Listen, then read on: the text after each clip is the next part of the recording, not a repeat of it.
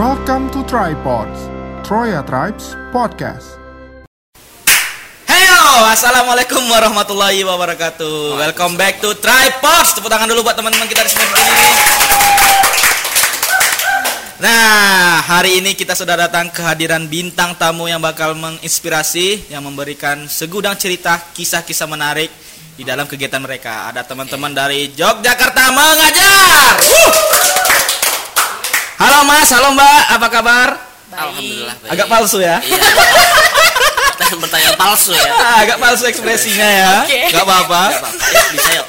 Sebelum kita mengawali itu ada kala baiknya kita berkenalan Mas. Ya. Kita ulang lagi jokesnya. Enggak apa-apa. nggak apa-apa. Ada pepatah Cina mengatakan Kenal kata saya ya. Udah ketebak nih. Ah. Tadi udah gitu soalnya. Nah, itu kan. tak kenal maka tak sayang. Kalau sudah kenal boleh dong pinjam uang. Nah. Aduh. Ketawa dong. Lucu, lucu, lucu. Gak apa-apa, gak apa-apa. Sebenarnya mungkin teman-teman di rumah bingung nih hostnya kenapa nih gablek atau gimana nih. Sebenarnya tadi Tadi udah pernah Udah gini. pernah gini tadi sudah di tag cuman soundnya tidak keluar. Tapi tidak apa-apa. Iya. Kita akan mengawali mengenai perbincangan yang menarik ini. Iya. Sebelumnya kita kenalan dulu ada Mas Eh, Ahmad Fauzi. Ahmad Fauzi. Panggilannya siapa? Panggilnya Fauzi. Fauzi. Boleh diperkenalkan dirinya di sini. Oh, iya, Apa siap. kegiatannya sekarang nih, Mas? Oke. Jadi nama saya agak sulit, agak sulit Agak- karena udah Oh, agak sulit ya membangunnya. Agak palsu jadi. Hey, kamu yang megang apa? Saya dendam. Oke, silakan aja, Pak. Eh, nama saya Fauzi. Fauzi. Eh, kuliah baru aja selesai. Terus wisuda. Tapi wisudanya gimana? Nanti bakal tanya gitu nggak? Boleh, boleh kita bakal kita tanya. lagi. Wisudanya kan online kan, jadi kayaknya biasa aja gitu sih. Oh, biasa Jadi sekarang eh, baru lulus, masih ada pekerjaan yang lagi dikerjain sama eh, ngurusin nyata mengajar di eh, akhir-akhir di detik-detik akhir nih karena September aku udah mau selesai. Udah mau selesai. Eh, udah mau selesai Nah. ngurus IM-nya. Itu ada Mas Fauzi. Ah, sekarang kita langsung aja ke topik utama. Oke. Oke. Ini dong. aku Karena saya udah tahu. Aku ini seben eh, saya ini sebenarnya cenayang. Heeh. Mbak Rosa ya? Nah, kok tahu tahu gitu? Wih, tahu ya? dong. Pak, bajunya ada bunganya. Aduh. Aduh. Itu bukan jokes tadi kita nggak siap. Tapi memang nggak bisa ditolong. nggak siap sama Oke, jokes nggak bisa, nggak bisa Oke. gitu. Oke, sebelum kita kita berkenalan dulu dengan Mbak Rosa. Boleh berkenalan Mbak Mbak Rosa? Iya, nama saya Rose Rose Dewi, biasa dipanggil Rose. Saya mahasiswi. Oke. Singkat ya teman-teman. Singkat padat dan tidak yang jelas. pertama panjang loh. Apa yang mau diketahui lagi? Nama panggilannya Rasa? Rosa. Pakai eng. Idegom. Oh, guna. Enggak dong. Rosa. Mbak Rosa eh, mahasiswa di mana nih Mbak? Sekarang lagi kuliah di mana? UGM. Eh mahasiswa. Maaf UGM. mahasiswi. Iya, UGM. UGM. UGM. Apa tuh? Oke. Universitas Gudasman tuh. Yang kedua kok keluar jokesnya? Iya, Yuk, bisa yuk. Bisa yuk. Mana selesai? Eh, Mbak kuliah UGM. Jurusan Iya. apa Mbak? Psikologi. Psikologi. Iya. Hah? Enggak, enggak. Bisa baca saya? Oh, iya. Baca bisa. Itu udah tadi ya. Yuk, yuk, lanjut nanti. Kayaknya nggak penting. Oke, eh sudah sudah kedatangan perwakilan teman-teman dari Yogyakarta mengajar. Nah, kita langsung back to the topic nih Mas, karena kalau Oke. perlu bincang-bincang bahasa Ah, basi. Di iya. sini langsung to the point. Mantap sekali. Udah makan? Udah. Aduh. Oke. Baru mau saya belikan nih. ya, ya. Udah makan. Aduh. Tadi kalau bilang belum mau saya belikan, tapi karena udah nggak jadi. Oke, lanjut. Lanjut yuk, lanjut yuk. Bisa yuk. Yuk. Ah, Mas Fauzi dan Mbak Rose. Apa nih Mas? Yogyakarta mengajar tuh apa? Boleh diperkenalkan? Hmm. Eh, sebenarnya Yota Mengajar adalah komunitas yang berdiri dari 2015 dan diinisiasi oleh teman-teman SMA. Terus mereka ngadain seperti pekan kreatif pelajar seperti yang tadi aku udah bilang di tag pertama tadi. Terus Dibongkar terus ya. mm, mereka eh, mereka pelajar ini pengen kegiatan mengajarnya pengen diterusin terus tuh. Karena menurut mereka bahwa ternyata kita butuh pengajar-pengajar selain dari sekolah. Terus akhirnya ya udah teman-teman di SMA ini ngebentuk program namanya Yota Mengajar yang disahkan di 2016 Eh, terus ternyata banyak eh, mahasiswa yang ter- yang daftar. Terus Peminat akhirnya ya? peminatnya banyak mahasiswa dan ratusan tuh banyak ratusan terus dibentuk kepengurusan biar ngurusin ratusan relawan Oh. ini gitu kan. Terus eh, mereka kebentuk kepengurusan berjalan sampai sekarang kayak gitu terus. Jadi kepengurusan open recruitment pengurusan open recruitment gitu terus sih. Berjalan sampai sekarang. Berjalan sampai dan sekarang. kita sekarang punya 8 wilayah dampingan yang eh, kita datangi secara reguler seminggu sekali. Eh, terus kita punya sekitar mungkin 90 relawan untuk periode periode ini. Tapi sebelumnya juga udah banyak tuh. Jadi setiap tahun sebelum pandemi sebenarnya ada seratusan lebih relawan-relawan yang juga, diterima. Mas, ya? setiap tahunnya. Heeh. jadi eh, karena pandemi jadi kita juga ngebatasin ngebatasin relawan-relawan di wilayah. Hmm. jadi kita kurangin. Sekarang mungkin 90 90 relawan di setiap eh di di semua wilayah Damingan semua wilayah. Berarti setiap di- per, per wilayah itu sekitar 11 atau 12 orang? Nah, iya. Ada mas bagi-bagi? Iya betul sekali. itu melihat kategori ketika pembagian itu apa nih mas? Biasanya kita tentuin dari jarak rumah misalnya jarak Oh, rumah si relawan iya, iya, gitu. iya. atau dia kuliah di mana gitu. Biasanya eh, nggak jauh-jauh dari itu sih. Kita nguploadnya itu. Dan dan sebelum daftar kan mereka kan daftarnya ada. Kita kan ngebagiin Google Form tuh untuk pendaftaran Iya. lewat form dulu terus mereka ngisi tuh wilayah mana yang mereka pengen dampingin gitu. Udah ada alamat lengkap dan kita udah ada peta wilayah juga di Peta Instagram. Instagram kita udah ada peta wilayahnya. Jadi seenggaknya mereka udah tahu tempatnya kalau mereka eh, mereka ngajar tuh di mana sih. Akhirnya mereka milih kita kasih dua pilihan dan mereka daftar terus mereka keterima keterima wawancaranya keterima terus abis itu kita biasanya plotin dari apa yang mereka udah daftar. Dan kalaupun ternyata udah wilayah dampingan udah penuh nih biasanya kita cari-cari dia rumahnya di mana dia kampusnya di mana dan lain gitu dan kita tanyain keberatan nggak kalau di sini gitu sih oh berarti kebanyakan mahasiswa untuk Hmm, sekarang mas ya? mahasiswa nah dari Yogyakarta mengajar sendiri kebanyakan perempuan apa laki-laki perempuan oh 90% oh Nah, itu kenapa saya di sini Oh, I see. Ada cinta-cinta, Aduh. cinta-cinta lokasi di dalamnya. Nah, dari Mbak Rose, Kenapa mas? sehat. sangat ini berat sekali pertanyaannya iya. Nah, kalau dari Mbak Rose udah bergabung bersama Troya Digital, bukan. Ya, kasih, Baru tadi sih. Saya bercanda. Sudah bergabung bersama Yogyakarta mengajar dari tahun berapa? Pak? 2019. 2019. Iya. Terus sekarang sudah berjalan dua tahunan ya? Iya, hampir 2 tahun. Oh, hampir dua tahunan. Nah, kita masuk ke dalam pertanyaannya. Eh, apa sih peran kalian masing-masing di dalam Yogyakarta mengajar dari Mbak Rose? nih? Boleh? Eh, kalau saya di pengurus staff fundraising. Dejavu saya ya. Oke. Kayaknya tadi udah pernah kayak Kayaknya gitu ya. sudah pernah. tuh. Tapi nggak apa-apa. Nggak apa-apa, nggak apa-apa. Kita lanjutin saja. Profesional. Iya dong. Nah, sebagai apa Mbak di Yogyakarta mengajar? Nanya lagi. Iya. Kayaknya tadi hafal deh. Coba. Kan cenayang katanya. saya orangnya agak-agak sedikit apa gitu. Eh, insomnia. Enggak. Insomnia ya. Nggak bisa tidur. Dong. Sebenarnya tuh nggak bisa tidur. Iya, ya. Loh, gimana dong? ayo dong. Ayo dong. Dibangun dong. Ayo dong, dibangun dong emosinya. Iya, iya, iya, iya. Sebagai staff, Fundraising. itu tugasnya apa nih Mbak? Eh, nyari uang, Mencari eh, apa namanya? pemasukan lah. Pemasukan ya? Mm-mm. Menghasilkan proposal-proposal. Iya. Biasanya ke mana tuh Mbak proposal? Eh, enggak, kita ju- biasanya jualan sih di pasar-pasar gitu. Biasanya di pasar Sleman. Produknya apa? Baju. Thrift. Baju, iya. Oh, berarti ada Baju-baju. merchandise juga dari Jakarta. Ada. Eh, ada Oh, juga. ini baru nih, baru serius nih. No, Kan iya aku nih. tanya nih. Ini baru nih, baru nih. Yuk. Baru nih. Ayo. Ya, saya. Ini hal baru. eh, Yogyakarta mengajar ada merchandise Ada. berupa Eh, ba- t-shirt itu. stiker ada. hoodie ada. hoodie, Belum ada. Belum ada. OTW. Ber- berarti baru baju kaos lu. Yang ngedesain siapa? Kerjasama dengan desainer atau Enggak. PDD aja. Dari kita kan punya Dari tim. PDD juga ya. Kita punya tim media Oh, juga. punya tim media juga. Dan punya eh, yang desain-desain juga ada gitu. Berapa un- untuk eh, harga merchandise yang kalian jual dari Yogyakarta? Kisaran berapa? Seperti pada umumnya. Lima ribu. Ini, aduh. Biasanya lima ribu. itu di mana tuh? Zaman-zaman lama sih. Ya, sekitar ya 80, under 100. Iya, gitu lah. Under 100 lah. Masih berjalan tuh sampai sekarang. Mm-mm. Tapi kita banyaknya ini sih. Online, Pak. Iya, tapi kita banyaknya eh, jualan di pasar gitu. Setiap Sabtu Minggu lah atau nggak Minggu gitu. Pagi. Buka lapak atau Ya. gimana? Oh, buka Buka lapak. stand sendiri. Untuk penjualan sendiri gimana, Pak? Apanya? Mengenai Sehari penjualan berapa. Iya, gitu? maksudnya tuh eh, memang sesuai target nggak ini dijual tuh memang Kan habis kita- gimana? Eh, kan kalau kita kan open donasi tuh biasanya dan kalau misalkan nggak open donasi pun banyak yang ngasih gitu loh baju-bajunya Oh. dan kita misalkan ju- eh, dari eh, fundraising itu eh, biasanya kita jualan gitu setiap minggu pagi itu terus kita jualin Berarti tugas Mbak sebagai yang mencari uang lah untuk untuk Jakarta mengajar ya. Iya. Uh, keren sih. Tepuk tangan dong untuk Bu Rose. Keren ya. Nah, dari Mas Fauzi, Hmm. apa nih?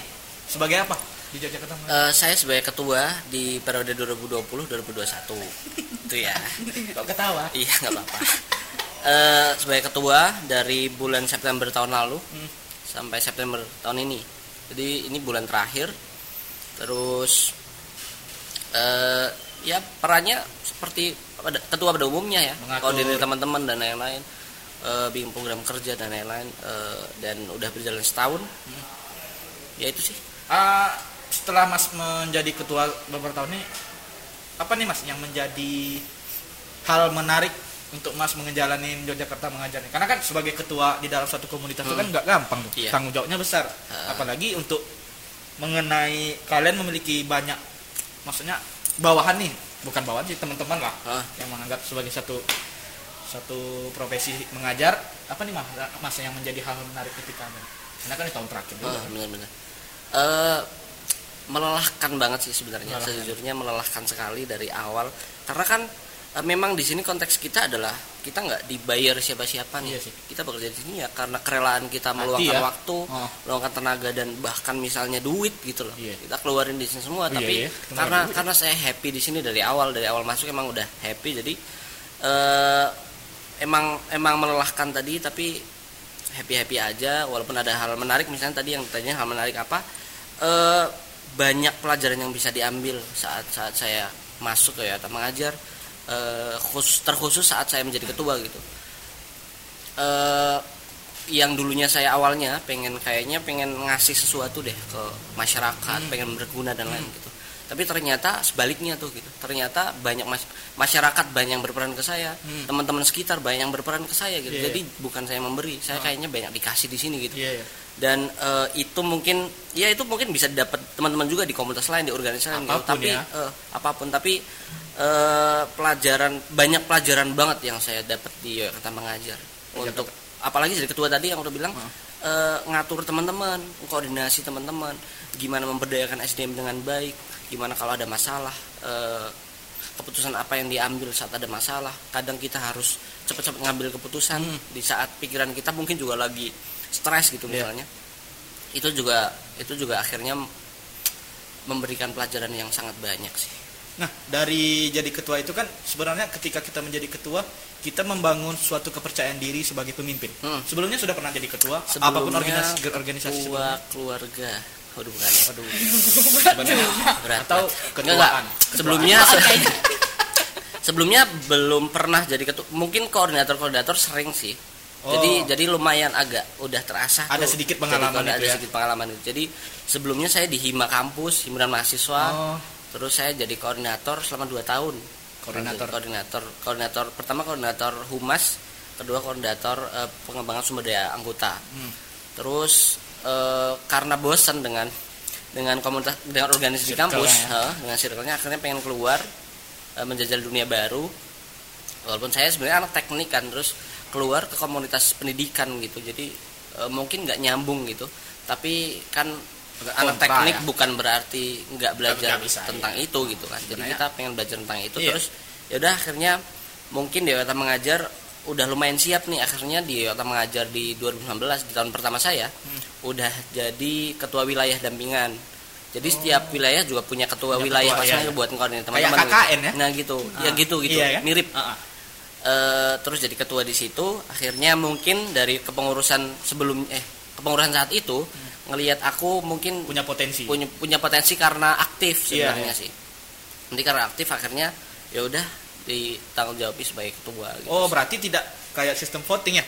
Eh, sebenarnya votingnya di dalam kepengurusan sama demisionernya aja sih mereka merundingkan Merundingkan gitu ya? kira-kira siapa yang mau jadi ketua terus ngubungin aku terus kita diajak diskusi bareng gitu Pernah- itu itu aja pertimbanganku untuk menjadi ketua tuh sangat lumayan Iya. waktunya cukup banyak tuh karena Oh. kan posisinya aku udah semester akhir dulu kan Iya, lagi kuliah. kuliah udah semester akhir aku ngurusin skripsi ngurusin ini itu gitu terus kayaknya butuh waktu sekitar dua bulan untuk mikirin iya apa enggak karena emang berat banget maksudnya karena di sini nih aku bakal ngurusin 20 pengurus Hmm. sama 100 relawan jadi aduh ini kayaknya bakal pusing banget nih gitu Iya.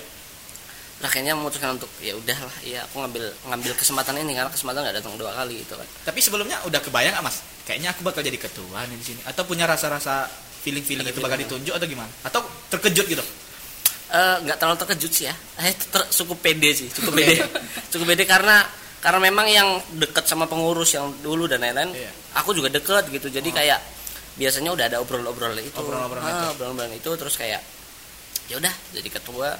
Terus walaupun harus mikir juga ketika ngambil keputusan untuk aku ambil nih karena tanggung jawabnya nggak tanggung jawabnya nggak besar eh, kan jawab besar banget karena di Jadi- satu sisi masnya juga kuliah kan Iya gitu. Maksudnya di sat- sisi lain tuh aku kan punya punya ini nih, punya kehidupanku Iya, sendiri kehidupan nih, sendiri, sebagai sebagai orang, sebagai anak, sebagai Iya. adik, sebagai mahasiswa gitu kan.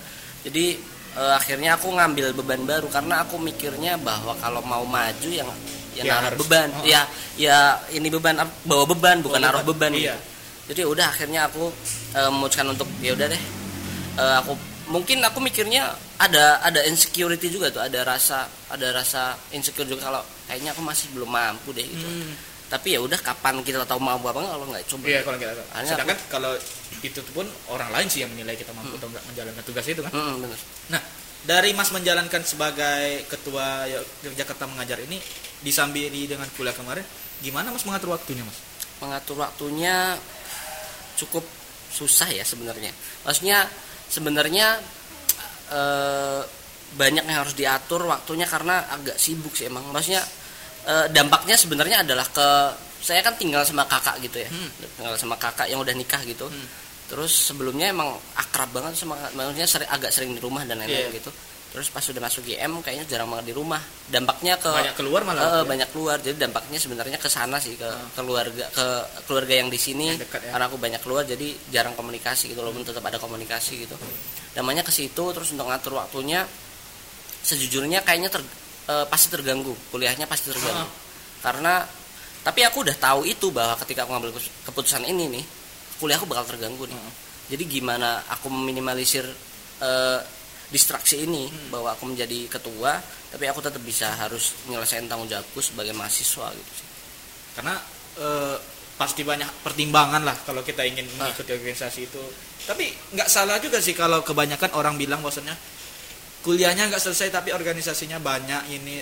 Eh, kalau kita berorganisasi ya menurut aku ya Ah, itu bakal menambah relasi bener dari segi circle pertemanan, ilmu ataupun pengalaman kerja. Hmm. Kita nggak tahu nih circle kita yang ketika kita berorganisasi dia berhasil menjadi sesuatu orang, dia melihat kita seperti teman dulu, mengajak kita untuk bekerja sama, kita kan nggak tahu ke depannya.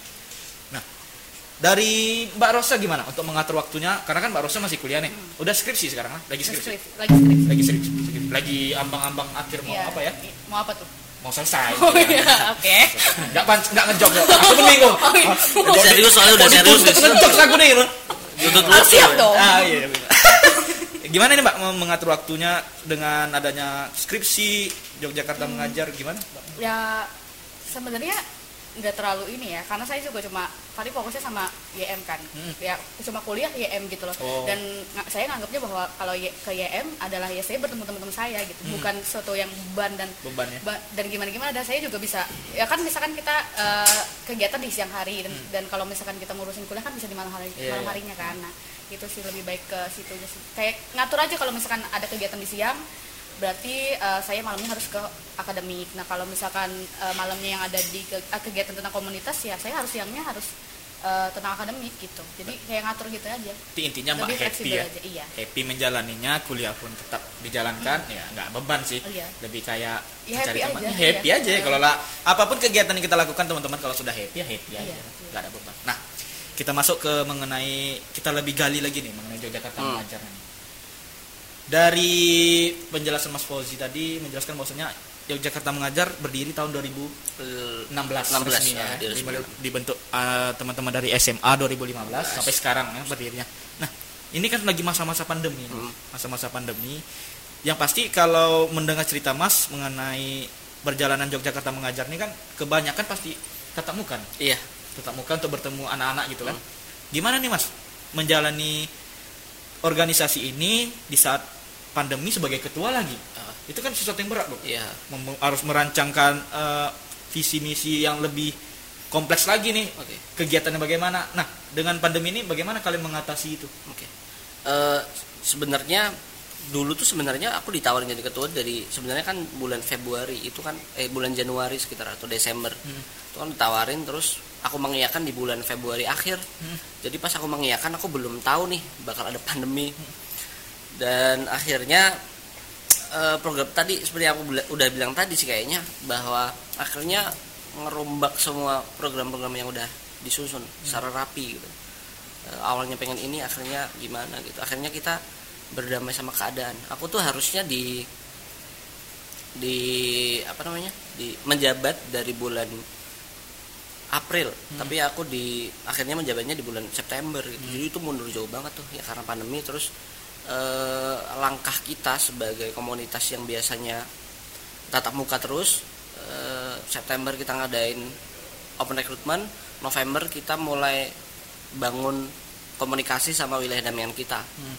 Dan kita ngejalin kesepakatan terus program regulernya tetap jalan seperti biasa dengan catatan protokol kesehatan dan lain-lain gitu. Jadi eh, mungkin kalau ngajarnya secara secara umum nggak terlalu berubah kita tetap ngajar seperti biasa seperti sebelum pandemi gitu. Cuma secara khusus mungkin ada perubahan-perubahan mungkin pakai masker jaga jarak dan lain-lain itu sih gitu. Tapi untuk event-event biasanya yang kita kan kita kan nggak cuma program reguler nih kita ada event-event nih. Nah itu banyak event yang kita cut banyak event yang kita nggak jalanin karena emang nggak bisa gitu. ya. karena event kita selalu melibatkan banyak orang. Iya. melibatkan banyak orang banyak pihak. Terus misalnya misalnya di tahun kemarin kita ada sekolah asal ngunjungin ke sekolah gitu. Itu kan anak-anak berkumpul banyak banget dan lain-lain gitu. itu yang sekarang kita susah banget ngelakuin. Kemarin kita ada festival anak di balai kota. Kita ada festival anak di balai kota. Terus ngumpulin banyak pihak juga. Dalam menggambar warnai dan lain-lain. Banyak banget dan itu yang nggak bisa kita lakukan sih. Ya tapi ya kita harus tetap survive sama keadaan Eh, adaptif kuncinya sih. Kuncinya adalah adaptif. Gimana kita bisa tetap gerak gimana tuh kita tetap bisa maju Dengan untuk keadaan sekarang. untuk iya untuk keadaan sekarang. Misalnya kita kemarin ada ada ngobrol-ngobrol online di Instagram live streaming terus kita juga ngadain bakti sosial di panti asuhan kita juga ngadain eh, pembekalan untuk relawan gitu-gitu sih. Jadi ya event-event yang bisa kita jalanin jalanin. Kalau yang nggak bisa kita nggak bakal maksain sih gitu sih. Tapi kalau dari teman-teman Jogja Yogyakarta mengajar ini kategori anak-anaknya umur berapa nih? PAUD. PAUD ya PAUD. jadi sampai SD lah. Hmm. Oh, Jadi dari PAUD biasanya PAUD PAUD juga sebenarnya agak jarang sih. Jadi biasanya biasanya SD kelas 1 2 3 4 5 6 SMP kelas 1 itu masih masih biasanya masih masuk tuh masuk, ke, masuk kategori ke dari kategorinya itu karena karena memang eh, relawan biasanya tuh ngasih games-games permainan-permainan ke anak-anak ke adik-adik itu games-games yang anak-anak banget gitu misalnya ada game-game terus misalnya terus ngajarin tentang tanggung jawab dengan cara apa misalnya salah ya udah harus maju harus Iya, ngomong iya. ke teman-teman Oh. atau gimana gitu itu yang kita lakukan eh, selama enam tahun ini tuh kayak gitu gitu Berarti yang kalian- karakter yang kita fokusin Berarti yang kalian ajarkan ini lebih membentuk karakter diri anak itu. ya? itu dia Aku kira kalian tuh kayak mengajar tuh kayak bahwasannya ya Oh, matematika, enggak. kelas-kelas untuk anak-anak yang mungkin kurang. walaupun walaupun saat pandemi kita dipaksa untuk ke situ juga karena anak-anak butuh dampingan itu juga Iya, butuh iya. bantuan untuk Iya. ngerjain tugas lah ngerjain PR dan lain-lain gitu akhirnya sekarang kita juga mungkin lebih banyak ke situ juga sih untuk membantu mereka tapi kita nggak ngelupain ngelupain tujuan kita Hmm. Tujuan bahwa awalnya tujuan ya. kita adalah membentuk pendidikan karakter di wilayah dampingan kita gitu sih Berarti banyak yang relawannya psikolog, Mas? Psikolog. sebenarnya enggak tapi makanya tadi aku udah bilang kita ada pembekalan relawan Oh. pembekalan relawan untuk apa untuk menyamakan definisi relawan di kata mengajar Iya, misalnya. iya, iya. bahwa relawan kayak gini anak-anak tuh seperti apa gitu. Jadi ada pembekalan itu. Bahwa kita ngenalin anak-anak tuh seperti ini. Pengajaran terhadap anak-anak itu beda dengan pengajaran sama dewasa dan lain-lain Iya, iya, gitu. Jadi udah ada pembekalan sih walaupun Oh. mungkin itu masih kurang sih. Emang emang harusnya itu mungkin jadi jadi setiap tiga bulan sekali atau apa gitu. Tapi mungkin karena karena keadaan juga Hmm. jadi kita juga baru ngadain pembekalan selama sekali untuk menyiapkan relawan ketika mereka berhadapan sama anak-anak Berarti eh, sebelum mereka ditunjuk Terjunin untuk gitu. terjunin udah ada dikasih bekal dulu Iya, nih? udah dikasih bekal. Oh, Itu kira memang langsung dilepas enggak, gitu. enggak juga karena background dari semua relawan ini beda-beda Beda-beda ya. Bahwa misalnya saya anak teknik Oh. ada yang anak hukum ada yang Oh. anak psikolog gitu psikolog gitu psikolognya psikolog ya. terus misalnya dari banyak banyak banyak jurusan yang di sini relawan Susah nggak ngajar anak-anak? Maksudnya tuh ah, apalagi anak-anak kecil kan? Ah. Agak-agak apa ketika kalian mengajar anak-anak tersebut kira-kira berapa sih satu wilayah tuh yang kalian ajar anak-anak ada berapa sih kira-kira? Kebanyak eh, kira-kiranya deh. 10 sampai 20 nggak sih biasanya? iya Iya, Oh, sekitar cuma. 10 sekitar segitu. Berarti di satu wilayah kayak anggap desa ya, di desa ini kalian datang memberikan sosialisasi, kita dari mengenalkan Yogyakarta mengajar. Langsung kalian ajar gitu. Hmm. Iya. biasanya ngajar di mana sih mas kalau nggak pandemi ya Hmm. ada di posko apa gitu di rumah warga atau gimana Nah, delapan wilayah ini sebenarnya beda-beda. Ada yang punya tempat kegiatan masyarakat. Hmm. Jadi mereka punya tempat yang untuk balai adat lah eh, gitu ya misalnya ada punya balai punya balai kelurahan gitu iya, lah. iya. Kita punya terus biasanya di sana ngajarnya. Kalau enggak ya ada juga yang di rumah warga tuh ada juga. Ada juga. Tetap ada juga gitu. Dan yang tadi Wasa udah bilang 10 sampai 20 kita ke sana, kita main-main tiap minggu tuh kita Oh. ketemu sama adik-adik. Sama adik-adik. Terus eh apa ya? susah-susah gampang sih untuk ngajarin mereka tuh susah gampang karena ya walaupun secara umum secara umum yang udah daftar ya atau mengajar udah tahu bahwa target kita ada ad- target kita adalah anak-anak gitu jadi biasanya udah pada seneng anak dulu sih maksudnya kayak ya udah aku seneng sama anak-anak Iya, nih iya. biasanya bermain sama anak-anak tuh happy happy aja gitu tapi ada beberapa juga yang emang emang Kesal awalnya gitu. nggak kes Oh. nggak nggak seneng sama anak-anak Iya. gitu kayak ya udah di sini akhirnya mulai belajar tentang gimana sih cara ngadepin anak anak gitu Oh. jadi eh, mungkin ini juga ini juga bermanfaat banget ya mungkin untuk relawan-relawan karena iya ya toh juga mereka ke depannya tuh bakal punya Bakal anak jadi- kecil iya, atau mereka ngadepin adiknya gitu Oh. jadi mungkin ini salah satu tempat belajar mereka untuk ngadepin anak-anak sih berarti ada feedbacknya juga ya Nah, iya sih. selain kita mengajar mereka mengenai cara tanggung jawab kepada anak-anak Hmm. tersebut anak-anak tersebut juga mengajarkan kita Nah, bagaimana cara mengajar kami ini gimana gitu dan lucunya adalah bahwa eh, ternyata ternyata malah kebanyakan eh, anak-anak nih banyak yang berperan ke kita Ah. kita diajarin untuk untuk sabar Iya, sabar, mereka. iya, iya. kita diajarin Ah. untuk ikhlas ngadepin dia Ah. kita diajarin untuk ngelakuin apa ya eh gimana sih cara ngadepin anak-anak itu dari mereka Ah, ah. kita nggak dapat itu di luar kita nggak dapat itu di kampus gitu. iya iya iya kita dapat ini di lapangan kita Ah. dapat ini di eh, ketika kita ngadepin anak-anak Hmm. itu sih yang itu yang didapat banget tuh itu dan selain itu kita juga kan kita kan juga sebagai mahasiswa ujung-ujungnya kembali lagi ke masyarakat besok ketika udah lulus gitu kembali bersosial dengan Iya, teman-teman iya, dengan iya. lingkungan kerja dan lain-lain gitu jadi yang didapat dari relawan menurut saya malah lebih banyak dari daripada apa yang eh, tadinya diberi gitu Oh. sih. Jadi luar biasa sih. Nah kalau itu untuk durasi melakukan kegiatan Jakarta mengajar tuh hari apa? Berapa jam sih mas kira-kira?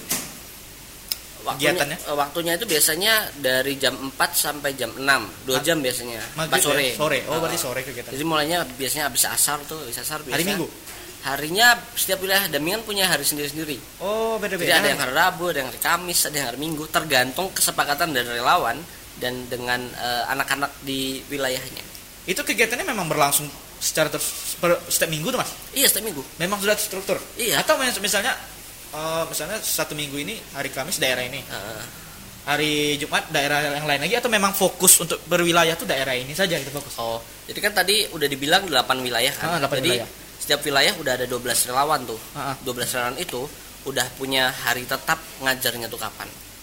Tapi di daerah yang itu Tapi aja? di wilayah itu aja. Sekolah misalnya anak-anak daerah ini Ya. nanti daerah yang lain lagi atau, jadi, atau itu aja? jadi wilayah damingan wilayah damingan A misalnya Ah, ah. udah punya jadwal ngajar tuh setiap hari Selasa jam 4 ya udah gitu terus tuh oh. Tapi nggak yang maksudnya nggak bisa berubah gitu bisa berubah dengan kesepakatan anak-anak dan kesepakatan relawan Iya, gitu. iya, iya. jadi bebas aja mereka sebenarnya. Tapi dengan anak yang sama? Nah, itu dengan anak yang sama oh biasanya. berarti mereka sudah saling mengenal nah, ya. gitu.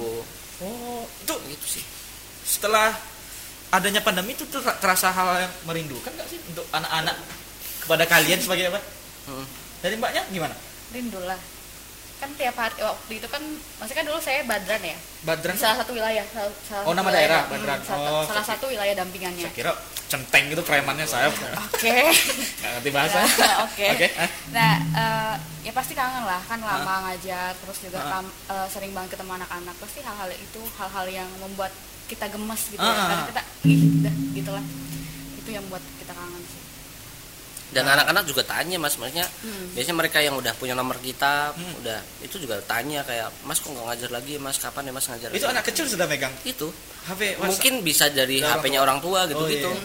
mungkin orang tua yang Uh, ngerti atau gimana jadi kayak anaknya ngomong kayak mas kapan lagi ke sini gitu apa tanggapan kalian bagaimana kalian ya kita ne- ngejelasin sebisa kita sih karena ini Kenapa? berusaha menjelaskan untuk menjelaskan kayak lagi ada pandemi Hmm. pandemi itu gini-gini bahaya untuk kalau berkerumun dan lain-lain gitu sih jadi kita jelasin sebisa mungkin sih sama anak-anak ya walaupun mereka juga tetap chat atau atau bahkan ketika kita nggak ngajar pun mereka tetap tetap misalnya Mas bantuin ngerjain PR dong Mas gitu gitu Oh. biasanya kayak gitu kayak gitu chat-chat kayak gitu chat-chat ringan misalnya Iya, Mas iya. gimana ya Mas kabarnya gitu gitu jadi biasanya komunikasi dari kom- relawan sama anak-anak tetap jalan juga sih walaupun mungkin nggak seintens dulu Eh, agenda dari Yogyakarta mengajar nih mengenai event-event tuh event terbesar yang pernah kalian buat deh event tuh event apa sih mas namanya itu festival anak festival anak Nah, jadi festival anak itu Oh, mungkin bisa menjelaskan ya boleh lagi. Kalau festival anak tuh kayak eh, banyaknya lomba gitu ya mas. Heeh. Lomba terus eh, apa lagi sih? itu dari anak semua wilayah anak itu memang dikumpulin jadi Nah kalau misalkan dari wilayah itu tampil biasanya mas. oh Eh, jadi per wilayah itu tampil gitu. Nanti ada eh, terus ada kegiatan juga lomba gitu ngadain lomba. Tapi dari orang dari umum. kayak untuk fashion umum. show gitu. Jadi jadi kayak eh, kita ngadain kegiatan untuk anak-anak wilayah dampingan untuk ngeluapin ekspresi mereka mereka sukanya apa? Misalnya drama nih. A- kemarin tuh di festival anak kita ada drama ada yang eh, Nyanyi. musikalisasi puisi ada yang nyanyi gitu. Jadi setiap wilayah dampingan biasanya diajarin sama relawan sebelum hari H itu misalnya dua bulan persiapan untuk latihan terus mereka tampil di balai kota gitu ditonton sama orang tuanya gitu gitu. Jadi itu yang kita kita ngasih panggung untuk anak-anak wilayah dampingan tampil di depan umum. Itu sih itu kita memberikan kesempatan itu juga untuk Oh, berarti- dan selain itu kita juga ngadain lomba menggambar warna untuk umum untuk Oh, masyarakat umum untuk iya. anak-anak umum gitu. Jadi semuanya bisa. Terus kita juga ngadain lomba cipta lagu anak karena menurut kita bahwa kayaknya Lagu-lagu lagu, anak. anak tuh kayaknya bergeser nih Iya, iya. lagunya tuh digeser sama lagu-lagu yang nggak jelas dalam tanda kutip harusnya belum mereka dengarkan tapi Iya, mereka sudah dengar gitu. Jadi kita ngadain lomba cipta lagu anak. Eh, kebetulan lomba cipta lagu anak juga nggak nggak cuma diikutin dari pesertanya nggak cuma dari Jogja. Kemarin ada yang dari Bogor ada yang dari Depok ada yang dari Bandung. Itu datang semua ke balai kota Yogyakarta untuk nampilin cipta lagu lagunya dan menyanyikan itu mereka udah bawa vokal vokalis atau band. Jadi mereka menampilkan tapi si pencipta lagunya di situ juga. Terus kita lombain di situ siapa yang kita datangin juri dari isi dosen-dosen dari isi atau atau sarjana sarjana musik misalnya. Kayak gitu terus eh, dijuriin kita ada tiga juara gitu gitulah pokoknya kita sebisa mungkin untuk ngangkat nih tema-tema tentang anak tema tentang pendidikan anak dan lain gitu sih. Memberikan edukasi Nah, juga ya? nah itu festival anak adalah itu juga udah dilakuin dua kali selama ya Yata mengajar berdiri. Oh. Jadi eh, itu yang paling besar sih. Event event Yata mengajar itu yang paling besar. Berapa hari mas ke berjalannya event event itu sebenarnya cuma sehari. Cuma persiapannya empat bulan. Oh cuma sehari Eh, cu- cuma sehari doang. Dari dari pagi sampai malam. Dari pagi sampai sore lah tapi persiapannya lumayan panjang karena banyak pihak yang terlibat. Kita Iya. juga kemarin di balai kota ngelibatin dinas pendidikan dan kebudayaan. Kita juga ngelibatin pihak balai kotanya balai kotanya tentu Iya. gitu kan karena kita juga pakai tempatnya gitu. Dan eh, sebenarnya kemarin itu kita diajak kita dikasih tempat sih sama balai kota lebih tepatnya kayak yaudah kalau mau ngadain event di sini aja nih di balai kota ada ruangan Iya, iya. yang bisa kalian pakai yaudah kita pakai di sana dengan kesepakatan-kesepakatan tertentu Eh, apakah ada bantuan dari pemerintah karena kan kegiatan ini pasti diliput Mm-mm. pasti kalian Iya. memberikan ke media lah Ah. maksudnya kegiatan Yogyakarta mengajar nih eksis nih Ah. kegiatannya mengajar anak-anak apakah ada pihak dari pemerintah yang melihat bahwasanya oh anak dari komunitas ini harus kita bantu Ah. atau diberikan ruang untuk mengajar pendidikan di- untuk anak-anak ini at- atau bagaimana ada kak Eh, se- sebenarnya saat, saat sampai sekarang sebenarnya kita nggak terikat sama siapa-siapa ya Ah. kita nggak ada donatur tetap atau apa ya yang ngedukung secara secara Berkala. terus menerus gitu ber- secara reguler tuh nggak ada sebenarnya dan dari pemerintah dan kita juga nggak terlalu mengharapkan bantuan kayak gitu gitu iya iya jadi kayak eh, ya udah kita gerak kayak gini tulus aja, eh, jalan aja ya. aja, jalan aja kalaupun pemerintah mau bantu atau gimana juga kita Monggo terima ya. kita terima banget Iya, ya terima banget. dan kita beberapa kali juga juga bekerja sama dengan pemerintah untuk untuk ngadain event tertentu gitu Ah. sih jadi jadi ya tetap berjalan kita juga mandiri kita juga nggak ada nggak ada donasi dari mana-mana makanya ada event ada panitia fundraising ada ada di ininya divisi pak fundraisingnya untuk divisi-divisinya untuk keberlanjutan organisasi kita gitu sih Berarti eh, kegiatan dari Yogyakarta mengajar ini pasti bakal kayak turun temurun ya tradisi ya. Nanti orang yang lama pergi, adik-adik yang baru naik, nah gitu terus terus bakal Ah, berjalan bakal terus. Nah, ketika teman-teman yang sudah alumni lah kita anggap ya, Ah. alumni dari itu, apakah masih ada yang masih berkegiatan lagi, balik lagi Hmm. untuk ikut ambil andil di Yogyakarta mengajar nih? Eh, nggak banyak sih tapi ada aja. Ada aja teman-teman yang tetap tetap misalnya dekat sama pengurus gitu misalnya. Terus eh, kita juga kalau ada apa-apa atau lagi stres sama kayaknya YM maksudnya lagi ada masalah pasti kan setiap komunitas ada masalah tuh kan. Oh, biasanya udah biasanya kita bikin forum kita curhat-curhat Oh. apa aja nih masalahnya dan mereka ngasih masukan kayaknya gini deh. Dulu tuh YM pernah gini jadi Ah. kayaknya solusinya kayak gini. jadi kita masih punya hubungan yang baik dengan demisioner kita masih punya hubungan yang baik dengan eh, pendahulu-pendahulu kita sih ya. Oh, berarti asik juga ya kalau ikut kegiatan-kegiatan seperti itu, Mas ya. iya itu Ah, dari Yogyakarta mengajar sendiri nih, kalau untuk di Jogja pasti banyak nih komunitas-komunitas lain selain Yogyakarta mengajar nih. Namanya kan mungkin kalian dari Yogyakarta mengajar. Iya. Apakah ada tempat-tempat lain juga nggak teman-teman yang di luar sana bikin komunitas itu juga? Tapi tujuan sama nih gitu. Eh, banyak banget sih kayaknya di Jogja itu banyak banget sih ada RBIB ada ada juga ada Gajah Mada menginspirasi. Banyak banget yang eh, punya tujuan yang sama mungkin dan dan di bidang yang sama pendidikan sosial Ah. pendidikan dan sosial gitu kan banyak banget. Dan kita juga sering banget untuk berko- berkolaborasi sama mereka eh. misalnya kita ke wilayah kita ngadat kita ngedatengin dari komunitas utusan negeri dongeng untuk mereka dongengin anak-anak. Oh. jadi ternyata banyak banget nih komunitas-komunitas yang kayak gini ya Ba- berarti banyak di Jogja nih ke komunitas. banyak banget. Kalau mau dicari tuh banyak. Puluhan ratusan bahkan. Apa pernah nggak kalian ngumpul gitu memang seluruh komunitas yang satu organisasi eh, satu visi lah, satu passion lah gitu, mengajar? Ketika kita ngumpul di satu tempat itu semua komunitas saling sharing itu pernah nggak? Eh, sebelum pandemi pernah. Sebelum pandemi kayaknya itu jadi agenda rutin sih. Kita sebenarnya punya punya perkumpulan komunitas-komunitas sebenarnya pendidikan itu misalnya ada pada perkumpulan sendiri tuh ada forumnya. Ah. dan kita eh, biasanya juga ngadain ngadain gitu sharing-sharing pengalaman di komunitasnya masing-masing. Dan kita sharing eh, gimana kalau kayak gini masalahnya kayak gini tuh biasanya gimana sih komunitas ini eh, mecahin masalah ini gitu gitu dan kayak gitu biasanya rutin tapi sekarang karena pandemi mungkin kita juga online online tapi udah agak jarang sih. Karena kalau ya kayak mengajar dengan anak-anak ini kan memang harus face to face gitu. Nah ya karena sedangkan yang anak-anak yang seumuran kita yang masih mahasiswa saja ketika sama dosen mereka nggak masuk. Hmm. yang diterangin secara langsung aja nggak dapat apalagi melalui Itu online. dia. yang paling terdampak ya itu sih emang anak-anak sih. Iya ya. Kasihan juga untuk anak-anak itu ya. Nah dari Mbak Rose nih kita menggali lagi agak sedikit santai lah ya. Iya, santai. menggali diri kalian sendiri nih. Aku ingin tahu nih karakter-karakter kalian nih. Mbak Rose ini memang senang dengan anak-anak atau memang cari kegiatan awal-awalnya kayak kegabutan ah pengen deh gabung gitu. Tapi tiba-tiba eh kok nyaman, kok nyaman gitu atau bagaimana? Kalau awalnya sih eh, ini eh, berangkat dari mata kuliah. Mata Mata, kuliah. kuliah ada tentang perkembangan manusia. Itu tuh jadi ngebahas eh, manusia dari dari dia Dari di kerak. kandungan, Dari kerak. Karena aku percaya dari dari pertukaran ya. karena aku percaya dari Darwin. bentar lagi narkoba beneran nih Satanik, satanik. Ya pokoknya dari dari situ Hmm. dan kebetulan juga apa sih sebenarnya nggak suka nggak terlalu suka sama anak-anak gitu. Hmm. Kayak Kelihatan sih. oke. Senang makan Pulang anak-anak. aja ya? gimana? Senang makan anak-anak ya. Wah, ini enak nih di bakso nih, di sup enak. dong. Eh, nggak suka kan sama anak-anak terus kayak gimana nih kan pasti kan kalau perempuan nanti kan ke depannya mau jadi ibu gitu Hmm. terus jadi kayak coba deh coba deh gitu ternyata ya akhirnya Nyaman. ternyata wah nyaman banget gitu dan Udah eh, kepikiran? Hah? Udah kepikiran? Apa nih Mau punya anak? nanti dong buru-buru amat Oh, mana tahu. Iya gitu dari dari situ sih biasanya Oh jadi dari, dari situ ya kepikiran.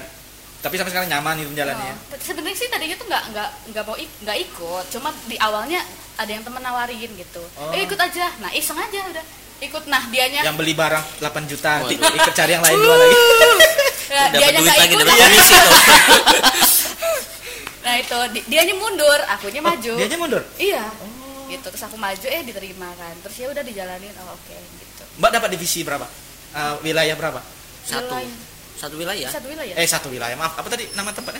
Eh, Oh, Posko. wilayah dampingan Ah, wilayah dampingan. Mm-mm. aku Daerah dapat mana? wilayah dampingan Badran dulu Badran. Mm-mm. Sampai sekarang masih. enggak kalau sekarang jadi penanggung jawab juga Ratnakan Wilayah Ratmakan. Oh gitu. Jadi masnya kalau aku dapat Kenapa? Latar belakangnya dari mana? cewek. Dia gitu senang. Oh iya cewek. enggak juga enggak juga.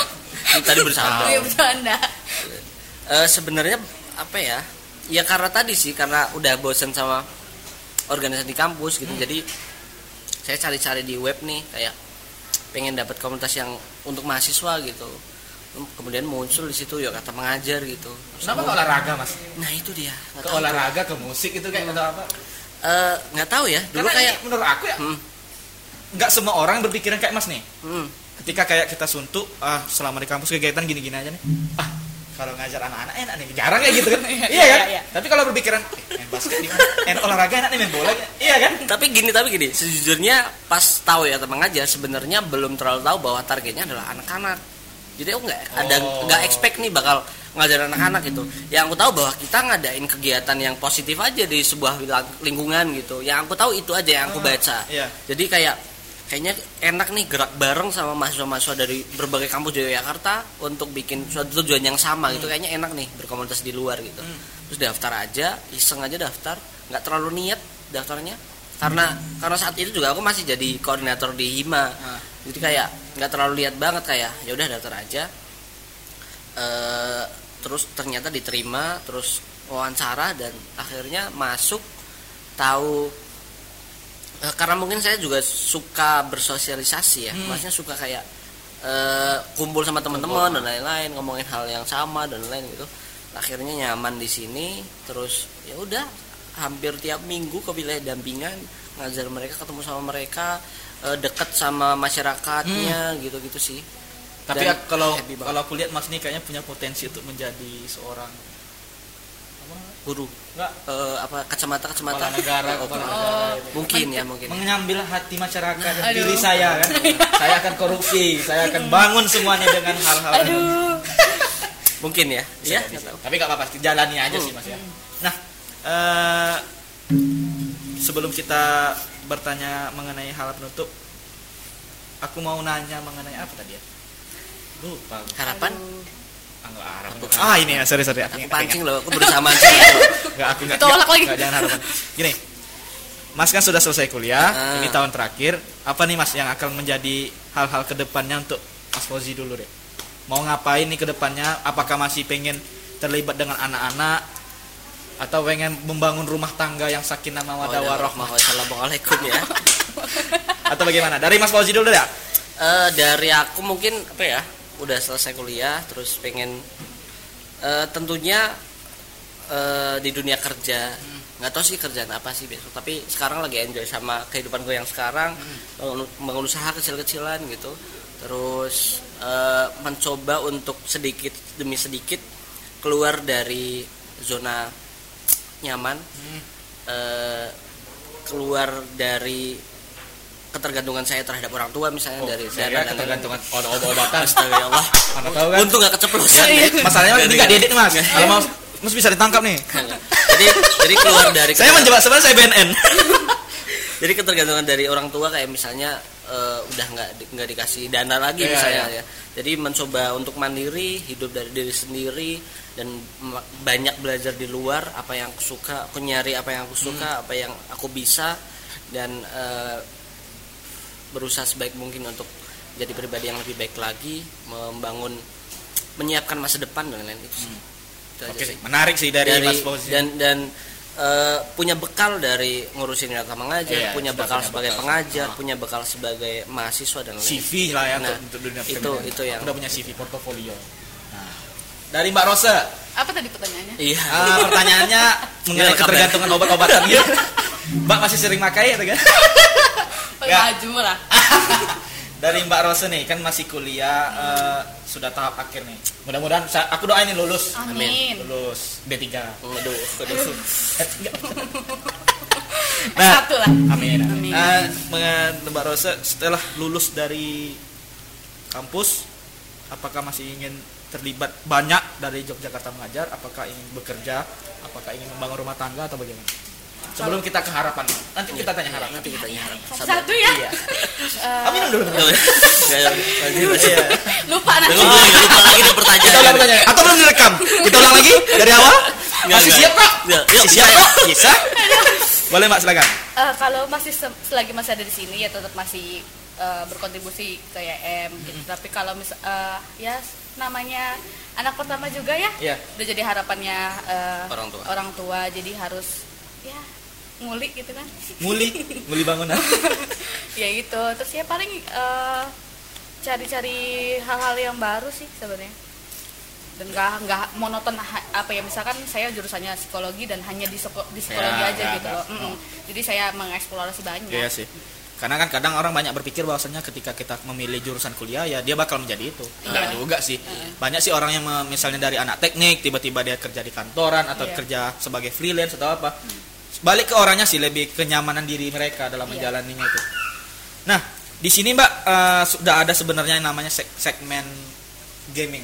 Ngegame ngegame gitu lah. Oke, Oke, semoga asik ya, semoga Iya. seru ya. Sebenarnya ini nggak seru sih. Oh, enggak seru ya. oke oke Tapi karena aku profesional, gitu aku emang. harus membawakan. Iya, bisa. Aku cari dulu Mbak ya. minum dulu boleh Eh, maaf Pak, ini era aku nih. Udah.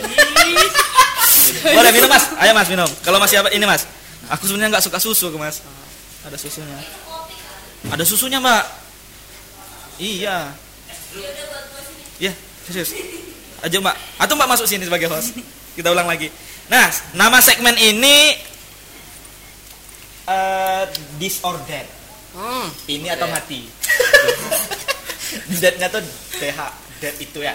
Ini atau itu ya? Atau kreatif ya Lisna ya? Iya. Seru ya, semoga seru ya. Seru nih. kita harus seru nih ya, pokoknya asik nih. Asik nih. Asik asik. Oke, pertanyaan pertama. Hmm. Sebenarnya sih ini pertanyaan sudah kita sudah gali. Oke. Karena aku nggak baca ini dari awal. Aku tuh tipe orang yang langsung mengulik aja secara langsung. Tapi harus kita pertanyakan sebagai Iya, profesional. Iya, iya, iya. Tetap, tetap seru Iya. ya. Pertanyaannya dari awal. Oke. Uang atau anak-anak? Enggak, enggak itu tadi. Udah mau jawab tuh. Udah aku mau jawab uang tuh tadi. Uang. Iya dong. Aduh, enggak. Tapi pertanyaan udah sih nggak apa-apa kita Enggak tanya. apa-apa ya. apa ya.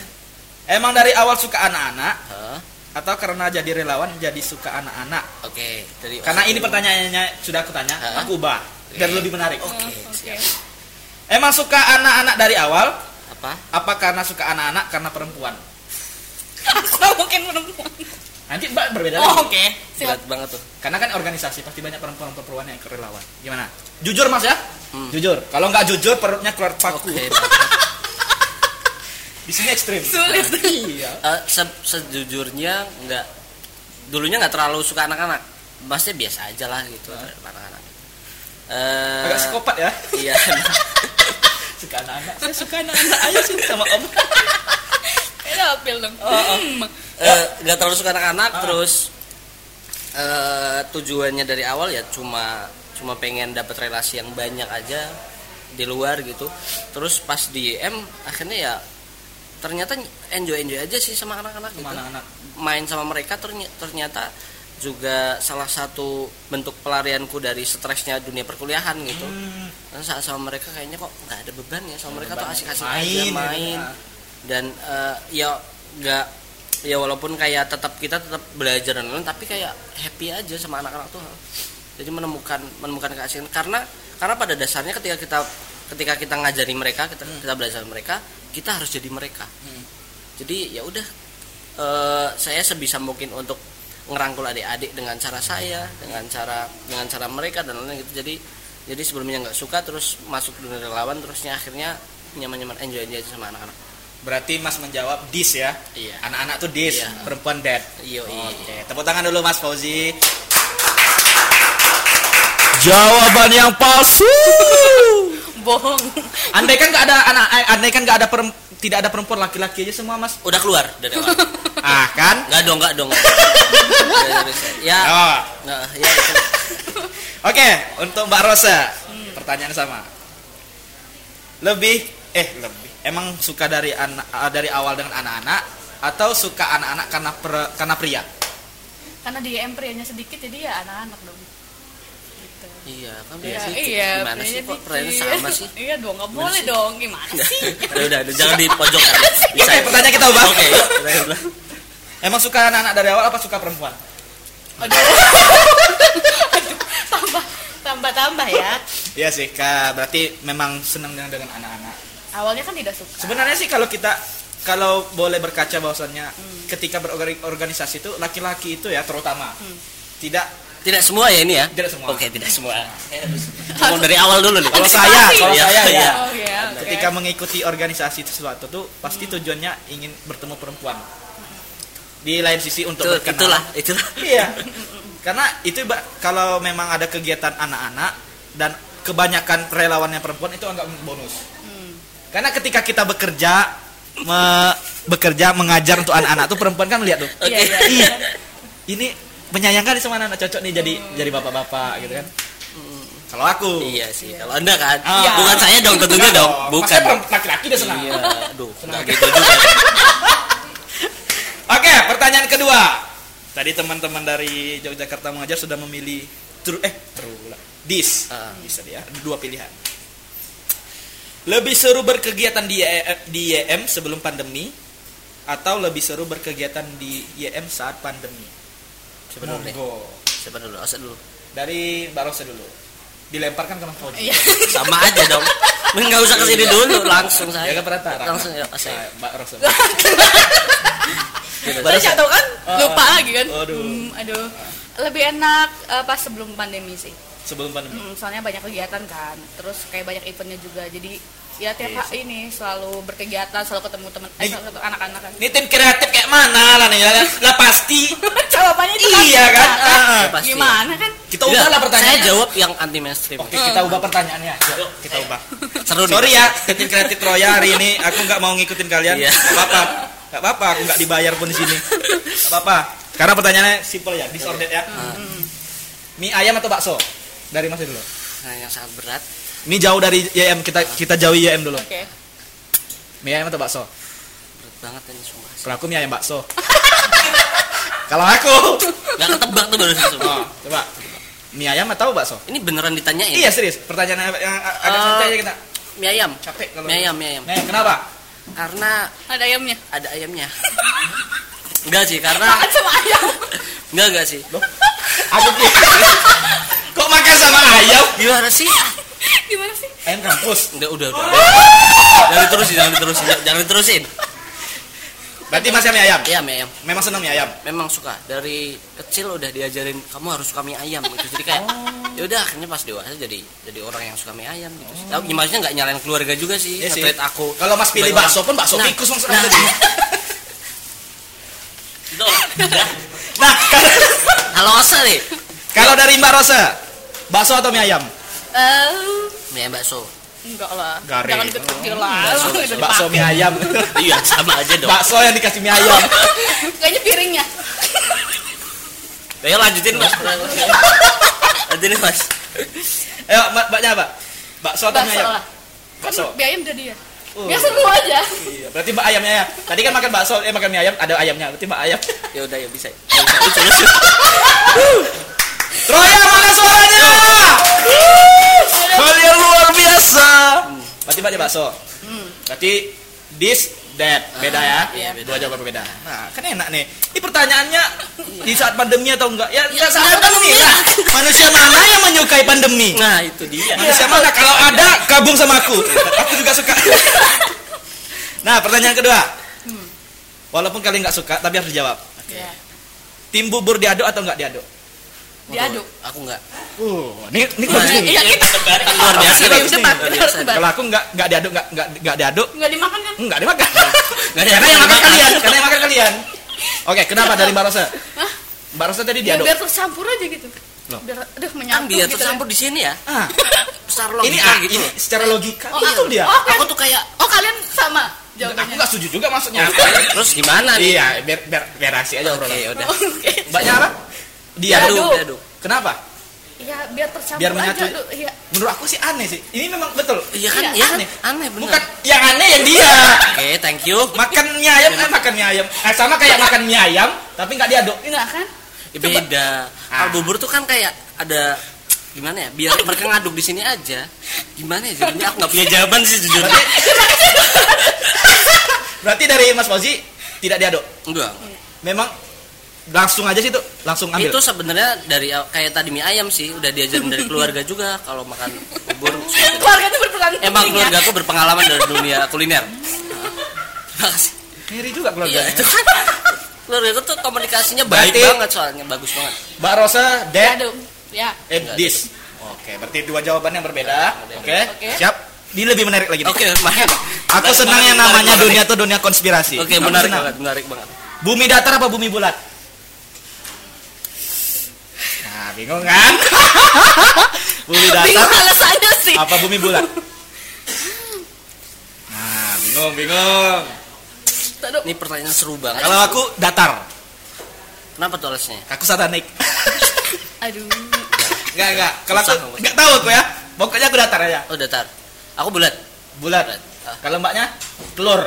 Apa beda? Persegi panjang, Bulat juga, bulat juga. Trapezium. Enggak. Trapesium. Bulat Bulat lah. aja lah biar sama lah. Biar sama. Kenapa? Kalian nggak percaya bumi datar? Nggak percaya sama sekali. Oh. Kita, aduh, kayak nggak ada nggak ada otak aja sih orang yang percaya bumi datar. Aku dong. Enggak sih, ya. Udah jam Ya berapa? udah. Ya, Udah habis. selesai, iya. Udah langsung aja. Ya. Penutupan closing. Harapan ya. Apa harapan untuk Yogyakarta mengajar? Apa harapan dari kalian masing-masing untuk ke depannya? Silakan. Oke, terima kasih. Oke, kembali. Oh, belum, belum, belum. Mau closing. Oke. Eh, harapannya sebenarnya semoga semoga ya taman ngajar. Eh, masih tetap kayak gini sih maksudnya kayak kita masih tetap ada kita masih tetap dampingin anak-anak kita masih tetap bermanfaat untuk sekitar sebisa mungkin apa yang bisa kita lakukan lakuin aja. Harapannya 10 tahun 20 tahun ke depan masih ada kayak gini masih ada gerakan-gerakan seperti ini untuk untuk wadah mahasiswa eh, berkontribusi di dunia pendidikan. Itu aja harapannya nggak tinggi-tinggi. Hanya itu dan dan semoga ya teman mengajar eh, menjadi komu- menjadi salah satu komunitas atau atau salah satu di antara banyak komunitas yang bisa terus menginspirasi banyak orang yang selalu ngasih hal-hal positif eh, sebisa yang kita punya. Karena karena apa ya eh, harusnya sih banyak mahasiswa yang nggak menyiapkan wadah seperti ini sih. Ada yang bergerak di bidang yang positif dan lain-lain sih. Jadi harapannya sederhana saja seperti itu sih. Oke, itu dari Mas Fozi. Harapan dari Mbak Rose gimana? Ya harapannya sih kan masalah eh, di Indonesia ini kan soal pendidikan ya Hmm. gitu kan. Eh, diharapin banyak banget eh, generasi-generasi muda yang eh, berkontribusi gitu ya. Misalkan da- dari YM atau komunitas apa pun lah yang basicnya meng- mengajar gitu. Eh, dan mungkin bisa eh, apa ya anak-anak tuh lebih mencintai sama pendidikan gitu lebih ya ke depannya Indonesia eh, lebih maju gitu-gitu sih Gitu gitu. Oke, itulah. Oh, mau tepuk tangan ya. Yeah, orang belum kok. Oke, itulah harapan dari teman-teman Yogyakarta mengajar. Sebelumnya aku ucapkan terima kasih banyak nih buat teman-teman sudah mau singgah ke Tripods, ke Troya Digital. Semoga eh, apa pun yang terjadi ke depannya untuk Indonesia ataupun untuk dunia lah di saat pandemi ini, kita harus tetap berpikir positif, harus tetap kreatif, Amin. harus tetap bisa bertahan apa pun itu. Dan untuk Yogyakarta mengajar sendiri, aku ucapkan semoga kalian tetap ada Amin. sebagai penerus-penerus generasi-generasi muda karena ini satu kegiatan yang positif untuk anak-anak untuk mengajarkan anak-anak menjadi lebih baik lagi dan apabila ada kata-kata yang mungkin agak-agak sedikit kasar atau apa aku mohon maaf sebagai host ya Iya. teman-teman ya. Dan sampai bertemu lagi deh di lain kesempatan. Ya mau tepuk tangan ya. Di kesempatan tripod selanjutnya. Bye bye thank you Kang, ya. thank you mas